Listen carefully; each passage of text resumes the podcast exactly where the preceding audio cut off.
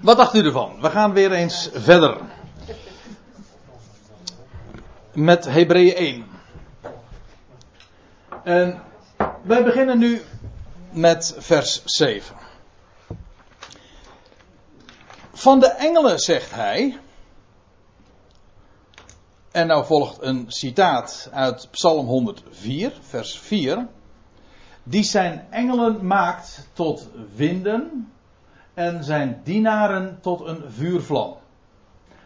Dat wil zeggen, winden en een vuurvlam kunnen gewoon zijn boden, zijn knechten, zijn dienaren zijn, zijn engelen. Zijn, want dat is eigenlijk dus wat ik uh, al eerder naar voren bracht. Een engel is niets anders dan een boodschapper. Je kunt het op twee manieren opvatten. Die, die zijn, uh, die zijn uh, engelen maakt tot winden. Dat wil zeggen, de winden zijn zijn engelen. Zijn dienaren, zijn boden. Maar hier is het idee uh, inderdaad de verwijzing naar die hemelwezens. En we vinden daar meer uh, dan één voorbeeld, maar ik wil me even beperken tot één. In Ezekiel 1, daar lees je een merkwaardig visioen. En als je dat leest, dan gaat het je wat duizelen zoals dat allemaal beschreven wordt over, ik zag een rat in de radar en daar ook weer raderen draaien. Nou, het, was een, het is de godstroon, een mobiele godstroon die Ezekiel ziet.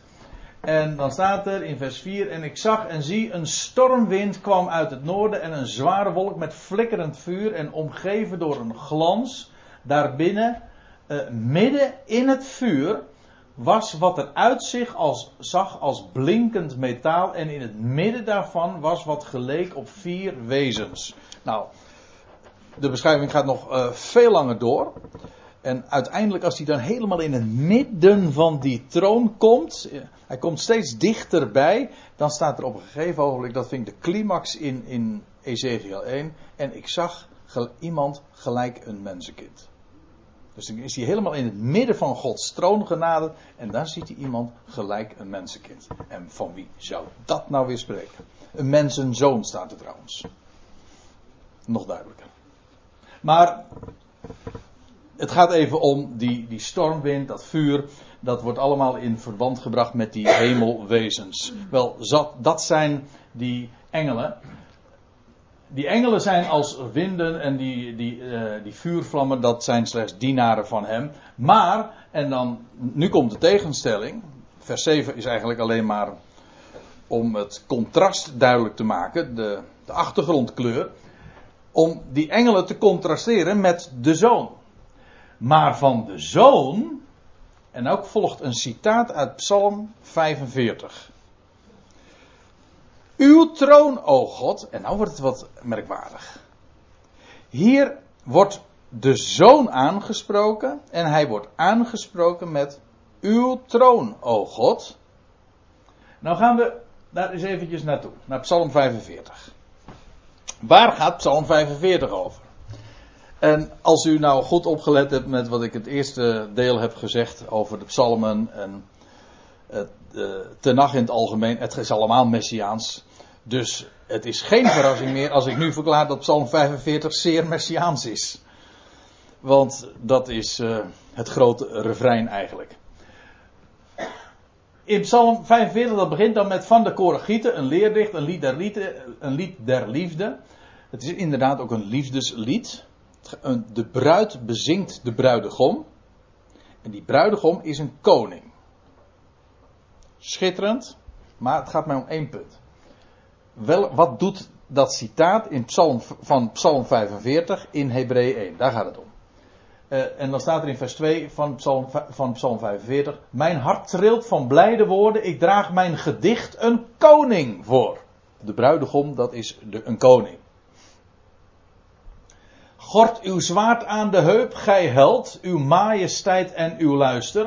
Ja, uw luister, ja, uw luister, dat wil zeggen uw heerlijkheid rijdt voorspoedig uit. Dus iemand die in triomf en als een held voortschrijdt op zijn, op zijn overwinningstocht. Blijkt ook uh, vervolgens uit vers 5. Uw pijlen zijn gescherpt, volken zijn onder u. Zij dringen in het hart van des konings vijanden. Dat wil zeggen, hij onderwerpt zijn vijanden aan zich. Het gaat hier ook weer over de introductie van het Messiaanse koninkrijk straks in de toekomst als de koning vanaf zijn troon zijn heerschappij gaat vestigen.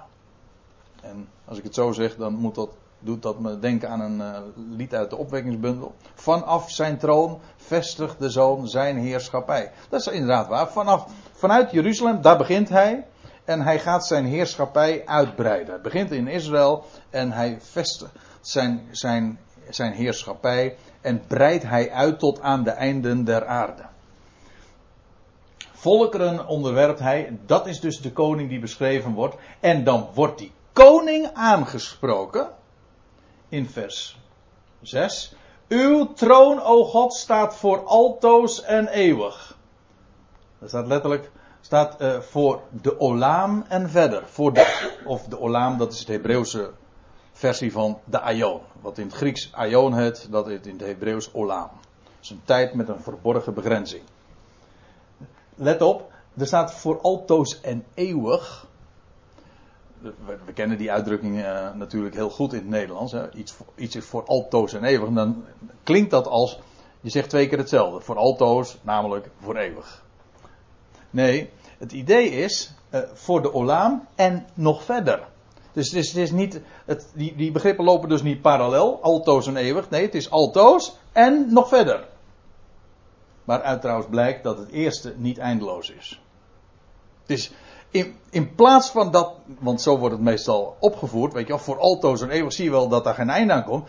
De uitdrukking zelf wijst er juist op dat het te maken heeft met wereldtijdperken. Voor de Olaam, voor die, tij, voor die Olaam, die Aion die gaat komen en nog daaroverheen. Nog verder. Olam Wa'et staat er in het Hebreeuws. Maar dat betekent letterlijk gewoon voor de Olam, voor de Aion en verder. Dat wordt van die koning of over die koning gezegd. Zijn troon, hij wordt aangesproken als God. Ik kom daar, nu op, op, terug, dat moet, want dat verdient toelichting. Maar even hier nog uh, de, het accent op. Zijn troon staat voor de Olaam en nog verder. De zoon wordt dus aangesproken als, als God, waarover straks meer. En tegen hem wordt gezegd: Uw troon is tot in alle eeuwigheid. Dus voor de, voor de Olaam en verder.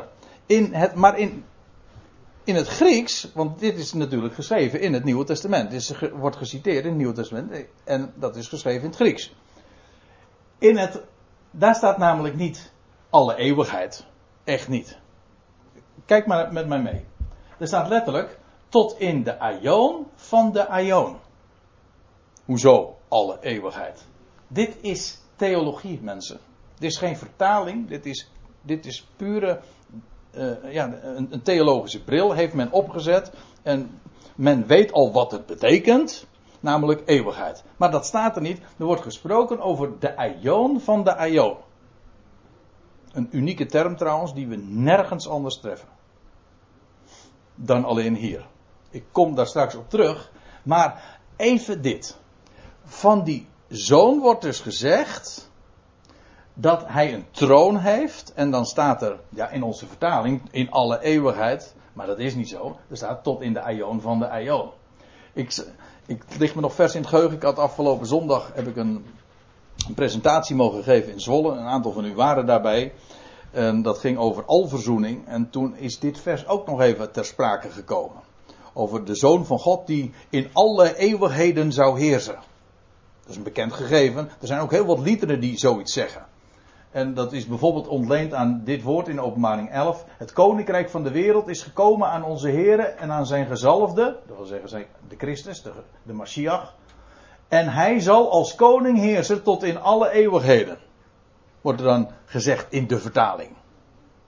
Maar je kunt het wel op je buik schrijven. En met je hemd er weer van afwegen zijn mijn moeder dan. Want dat staat er niet. Er staat gewoon tot in de... Dit is wat er in het Grieks staat tot in de Ionen van de Ionen. Alle is gewoon dikke duimwerk. Dat, dat staat helemaal, het woord alle staat er helemaal niet. Er eeuwigheden, nee, er staat, er wordt twee keer over Ionen gesproken. De Ionen van de Ionen. Dat is een overtreffende trap. Zoals de koning der koningen en nou, het heilige der heiligen. Het Hebreeuws kent vele van dat soort uitdrukkingen. Het is een overtreffende trap. Het, uh, het hooglied, on, uh, ons Bijbelboek, het hooglied, dat is eigenlijk in het Hebreeuws Shir Hashirim. Lied der liederen. Het, dus eigenlijk het hoogste lied. Het lied der. Van alle liederen is dat het lied, het overtreffende. Het gaat hier over de Ionen die de andere Ionen overtreffen. Die wereldtijdperken. Maar er staat niet alle eeuwigheden. En dat is ook zo, want die troon, van die troon die aan de zoon toegekend wordt en toebedacht is door God zelf. Ja, die staat voor de Ionen, absoluut. Maar niet eindeloos. En ik citeer maar een ander Bijbelwoord, 1 Korinthe 15. Waar dat gewoon expliciet ook staat. En je ziet, als je nou nauwkeurig en eerbiedig met de schrift omgaat en leest wat er staat. En niet gaat verzinnen en bedenken, nee, gewoon lezen wat er staat. Dan past alles perfect in elkaar. Dan hoef je niks meer te bedenken. Het klopt namelijk vanzelf. En op het moment dat je zelf beelden gaat construeren, een beelddienaar wordt, hè, als je zelf beelden gaat maken, dan conflicteert het altijd met de schrift. De schrift geeft zelf antwoord op de vragen. Nee, ik moet nog anders zeggen. De schrift voorkomt dat we zulke vragen hebben. Als je gewoon de schrift naspreekt, dan weet je, de zoon, de troon van de zoon, staat tot in de ionen der ionen. Vergeet dat alle eeuwigheden, dat is theologie en heeft niks te maken met de schrift. En dat blijkt ook wel, want er staat er in 1 Korinthe 15 het einde. Uh, oh, dan gaat het over de laatste opstanding, de laatste levendmaking, de laatste afdeling. Wanneer hij het koninkrijk aan God de Vader, dan gaat het over de zoon, wanneer hij het koninkrijk aan de God de Vader overdraagt, wanneer hij alle heerschappij, alle macht en kracht ontroond zal hebben. Want hij moet als koning heersen totdat hij al zijn vijanden onder zijn voeten gelegd heeft. Let op dat totdat. Dus dat heersen van Christus, van de Zoon, dat heeft een totdat.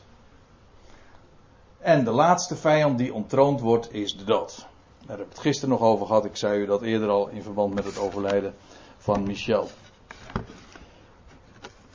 over de dood die teniet gedaan wordt. Namelijk als de laatste categorie doden ook tot leven worden gewekt. Dan, is, dan zijn er geen graven meer. Dan zijn alle levend gemaakt en daarmee is dus de dood voorbij. Hoe doet God de, dood er niet? Door alle levend te maken. Simpeler kan het niet. Maar dat is goddelijk. Hij doet het op die manier.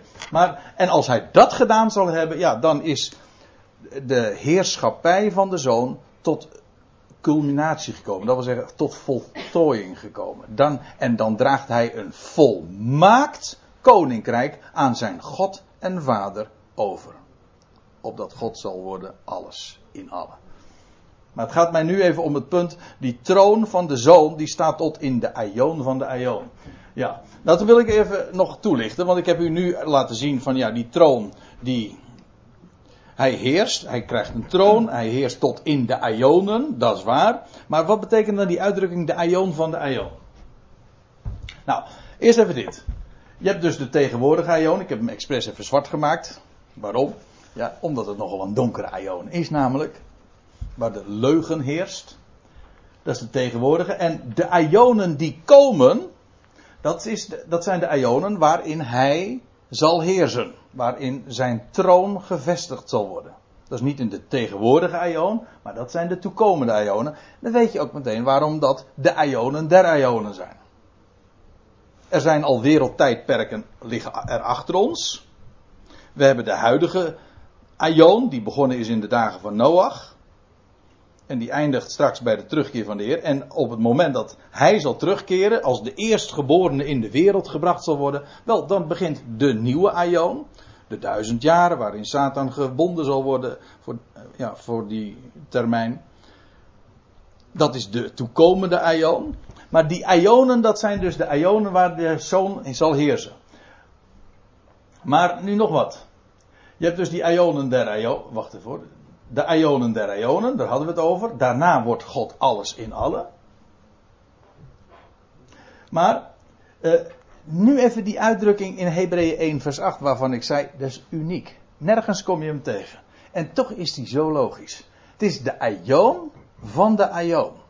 Het is een wat typische uh, manier van formuleren. We hadden het vorige keer hadden we het nog even met de Bijbelstudie uh, met deze Bijbelavond hadden we het erover van, ja, dat is eigenlijk een vreemde term. Maar het, het, heeft te maken met een overtreffende trap. Dat is een ding wat zeker is. En dan krijg je dus dit idee, wat, wat, je, wat het oproept. Je hebt dus de ion van de ion. Die, die laatste ion overtreft nog de voorgaande. Dus die ionen, in die laatste ionen zal dus de zoon van de troon gevestigd worden. Eerst zal hij heersen in de duizend jaren, maar daarna volgt de nieuwe hemel en de nieuwe aarde, het nieuwe Jeruzalem. Dat is van nog weer veel overtreffender heerlijkheid. Dat is de dat is, daar staat de troon van de zoon. Daar heerst hij nog steeds. Wat trouwens op zich al aangeeft dat daar nog steeds de dood niet niet gedaan is. Nee, want hij moet heersen totdat hij al zijn vijanden, de laatste vijand in kluis, niet gedaan zal hebben of uh, onderworpen zal hebben. Het feit dat die in die laatste aion, in de nieuwe hemel en de nieuwe aarde, de troon van de zoon daar nog is, betekent dat dus nog niet alle vijanden zijn onderworpen. En dat klopt, want er is nog één vijand, namelijk de dood. Kijk het maar na in openbaring 1 en 22. Daar is sprake van de dood. De tweede dood. Maar is ook dood. En als ook die levend gemaakt zullen zijn, ja, dan is er dus geen dood meer. En dan pas zal God alles kunnen worden in allen. Welke allen? Wel allen die in Adam sterven. In Adam stervelingen zijn. Dus al die miljarden mensen, wie ze ook zijn. Nou, uiteraard, dit onderwerp is, is zeer veelomvattend, letterlijk en figuurlijk. Maar het gaat mij even nu in dit geval om deze uitdrukking. De aion van de aion. Daarna wordt verwezen naar die laatste overtreffende aion waarin de troon van de zoon zal staan. En dan begrijp je ook waarom er staat in Psalm 45 in het Hebreeuws Olam. In de aion en verder. Dat is dit. Verder, nou dat is hier. Dat is die laatste, die overtreffende aion. Nou, dit laat ik dan maar even voor wat het is, want dat is uh, een plaatje waar je wel uh, een hele Bijbelstudieseizoen over aan kan wijden. Goed. We zijn dus bezig met dat citaat uit Psalm 45. Van de zoon wordt gezegd in Psalm 45: Uw troon, God, is in, in, in alle eeuwigheid, maar dat stond er niet is tot in de aion van de aion. En de scepter van de rechtmatigheid, of van de, van de eerlijkheid, dat is de scepter van het koninkrijk van u. Van, ja, ja, van u. Hij wordt aangesproken. Dus hij zal heersen in eerlijkheid, in rechtschapenheid is het. Of rechtmatigheid. Moet je nagaan, nu is deze hele wereld nog, wordt geregeerd met recht door de leugen. Zei onze koningin, denk ik, vind ik altijd leuk. De, de leugen regeert. Ja. Maar daarom doet ze natuurlijk troonafstand. Maar deze wereld wordt geregeerd door leugen. Straks is het een wereld, uh, wordt de, is het koninkrijk wordt geregeerd via het recht. Ah, echt recht wordt er gedaan. Een volmaakt koninkrijk zal dat zijn. De scepter, de koningsstaf. Als, als die staf in de hand van de herder is, dan is het de herderstaf. En als die in de hand van de koning is, dan is het de koningsstaf, oftewel de scepter. In alle gevallen is het trouwens ook een embleem van opstanding. De scepter van de rechtmatigheid is de scepter van zijn koninkrijk. Dat is eigenlijk wat er letterlijk staat. Van het koninkrijk. ik ga nu even verder. Gerechtigheid hebt gij lief gehad. U ziet het, ook tijdloos staat het hier. Niet hebt gij lief gehad, nee, tijdloos. Gerechtigheid hebt gij lief, ongeacht wanneer. Dat is een feit. Zo wordt het gesteld. Gerechtigheid hebt gij lief en on en letterlijk anomia, dat wil zeggen wetteloosheid, haat gij. En wij, hij heeft een wet, een norm. Dat is eigenlijk wat het is. Het woord, ons woord norm is hiervan afgeleid.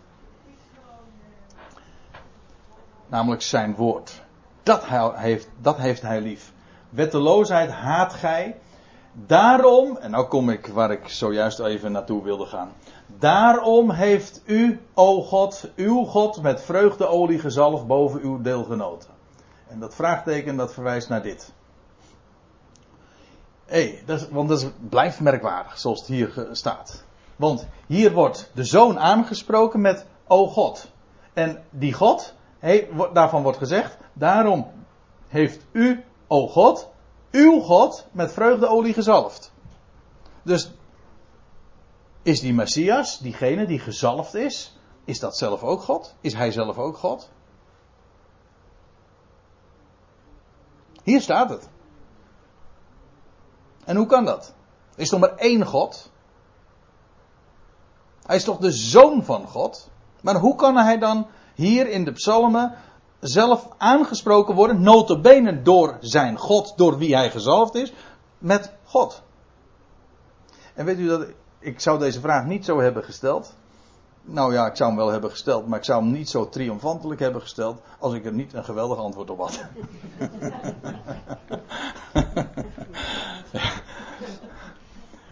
nee, want weet u wat het is?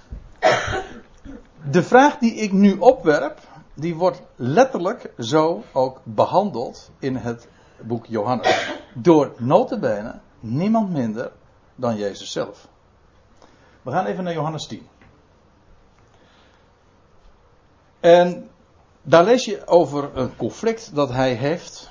Nou, niet zozeer dat hij heeft, maar dat zij hadden met hem. Zo is het meestal. De Joden antwoorden, ik val midden in het gedeelte, vers 33. De Joden antwoorden hem, niet om een goed werk willen wij u stenigen, want dat is wat het voorgaande aangaf. Ze, wilden hem, ze namen stenen op, ze wilden hem stenigen. Niet om een goed werk willen wij u stenigen, waarom wel? Maar om godslastering. Waar, hoezo godslastering? Omdat gij, een mens, uzelf God maakt. Dat was hun beschuldiging.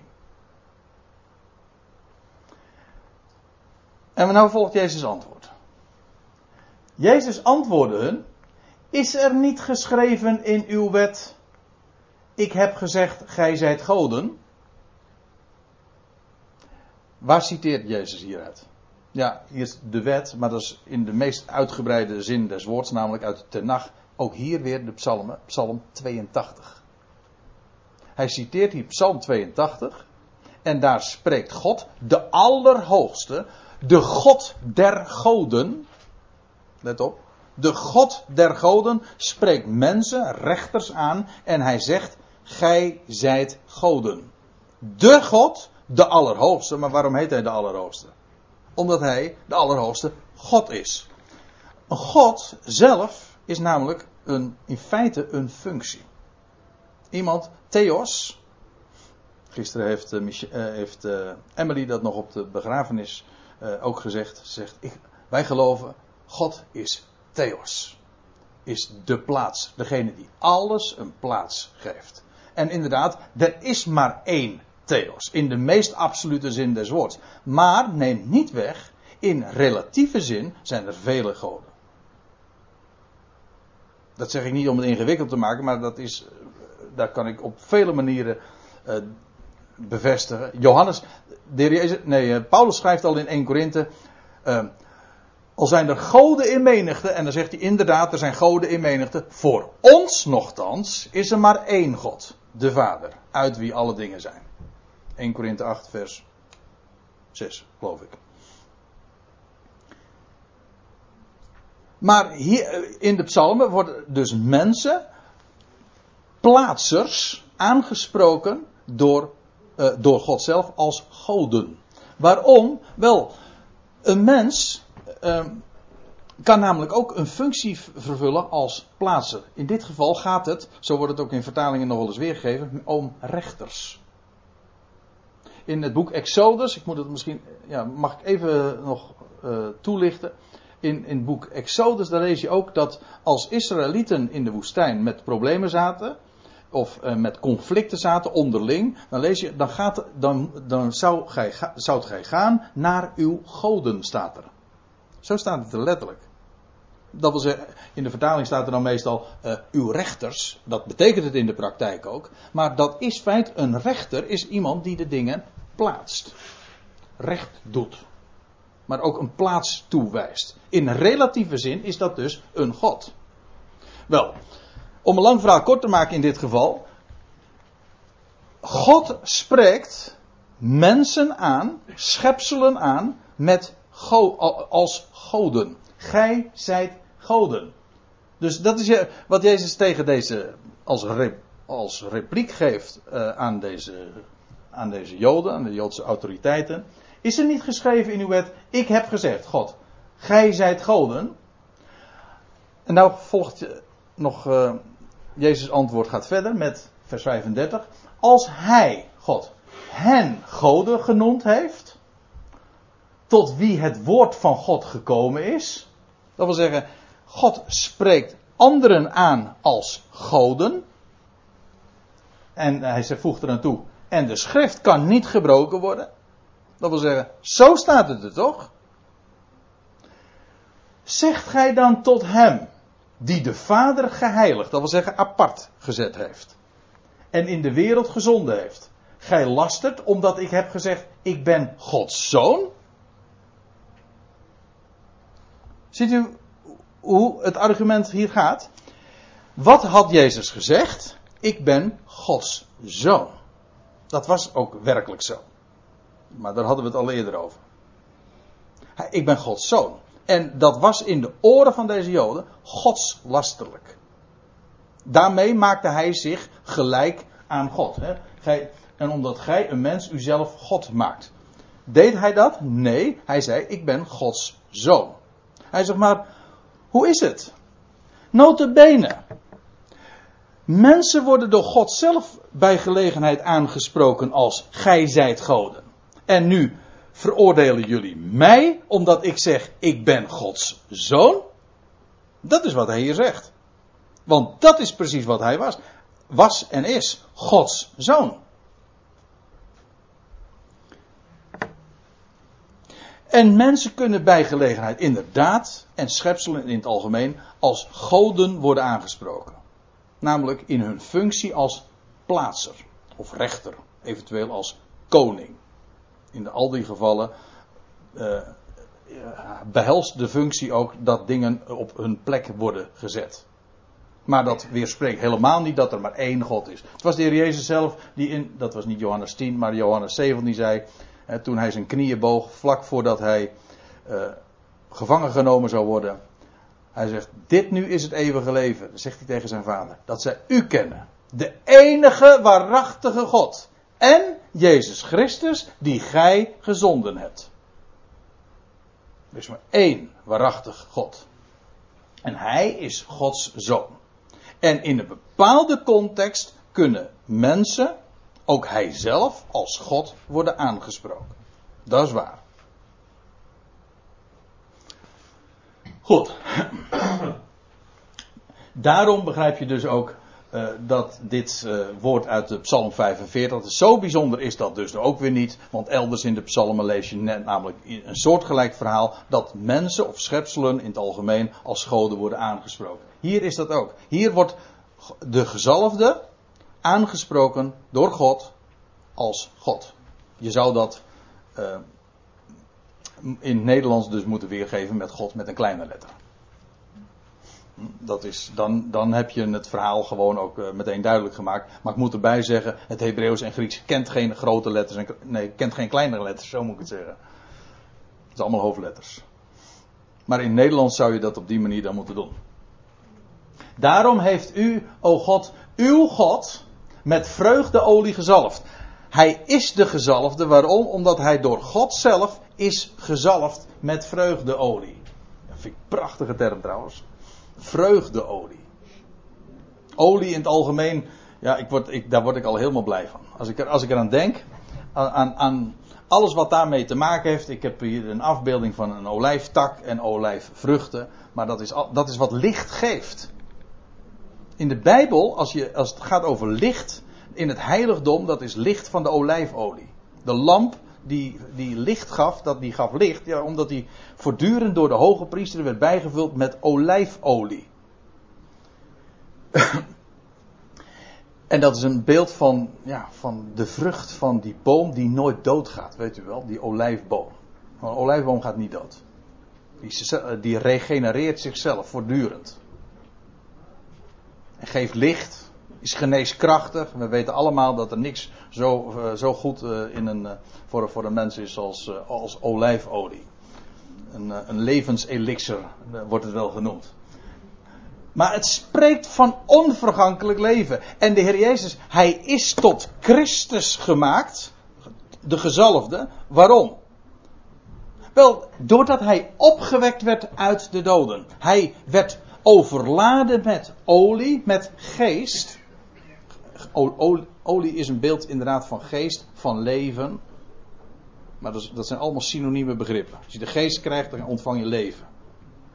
En hij heeft leven ontvangen en daar, hij werd gezalfd zo met heilige geest. Met onvergankelijk leven. En ja, waarom heet dat vreugdeolie? Wel, het heeft te maken met heerlijkheid. Het heeft te maken met onvergankelijkheid. Het heeft te maken met kracht. Hij is de gezalfde, hij is de opgewekte. Nieuw leven, een nieuwe schepping. Dat is waar de Christus van spreekt. Zijn God heeft hem opgewekt uit de doden. Hij is een mens, dat is waar. Maar hij is de zoon Gods die door God werd opgewekt en gezalfd met geest. Met vreugdeolie. En er staat er nog bij, boven uw deelgenoten. Dat is een uh, prachtige term waar we later in de bespreking uh, nog wel vaker uh, aan herinnerd zullen worden. En ik ga het nu niet zo uit de doeken doen, maar bij een latere gelegenheid dan, dan moet dat wel, omdat het dan ook echt een, een thema wordt in de brief zelf deelgenoten of partners. Zo wordt het in de concordant version weergegeven. Maar een deelgenoot is niks anders dan een partner. Iemand die deel heeft aan.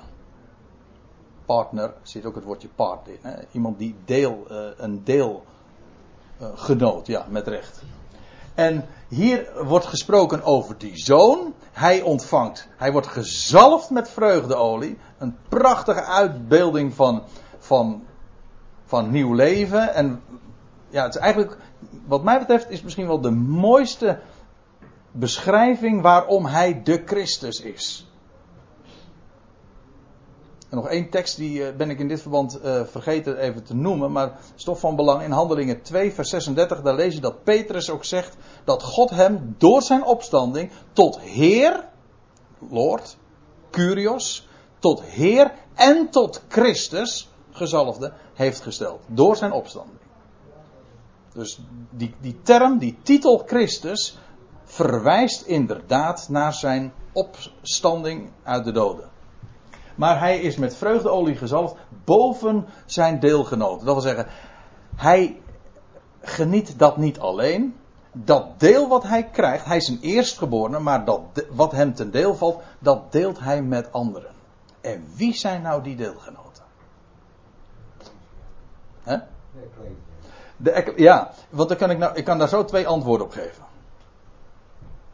Hier in, in verband met de Hebreeën en in verband ook met Psalm 45 gaat het inderdaad over de bruid. Maar de bruid is Israël.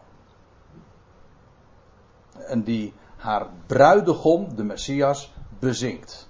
En zij deelt in zijn lot. Ja, logisch. Als bruid en bruidegom. Maar inderdaad, in de Hebreeënbrief gaat uh, daar ook over. Dat, uh, dat ook wij nu in de tegenwoordige tijd deel hebben aan de Christus. Deelgenoten van hem zijn, maar op een hemelsniveau. Op een hoger niveau. Maar dat komt allemaal nog veel uitgebreider te sprake. Hier wordt het alleen nog maar aangestipt. Het Het is als het ware al een soort van teaser van de schrijver. Zeg van, dit, houd dit vast, dit komt nog eh, veel uitgebreider ter sprake. Hier heb je die partners al. De deelgenoten. Hij, heeft, hij is niet alleen, nee, hij, er, zijn, er zijn er meerdere in, met wie hij dit deelt. Of het nou van de aardse of van de hemelse kant is. Ja, en nou zou ik naar verder gaan naar vers 10. Maar dat doe ik maar niet meer, want dat is weer, dat is weer een, uh, een verhaal apart. Ik had gedacht dat ik bij vers 14 zou uitkomen, maar. Bijna. Bijna. Vers 10, ja. Maar er volgen nog meer avonden. Deo volente, of inshallah zeggen ze dan in het Arabisch.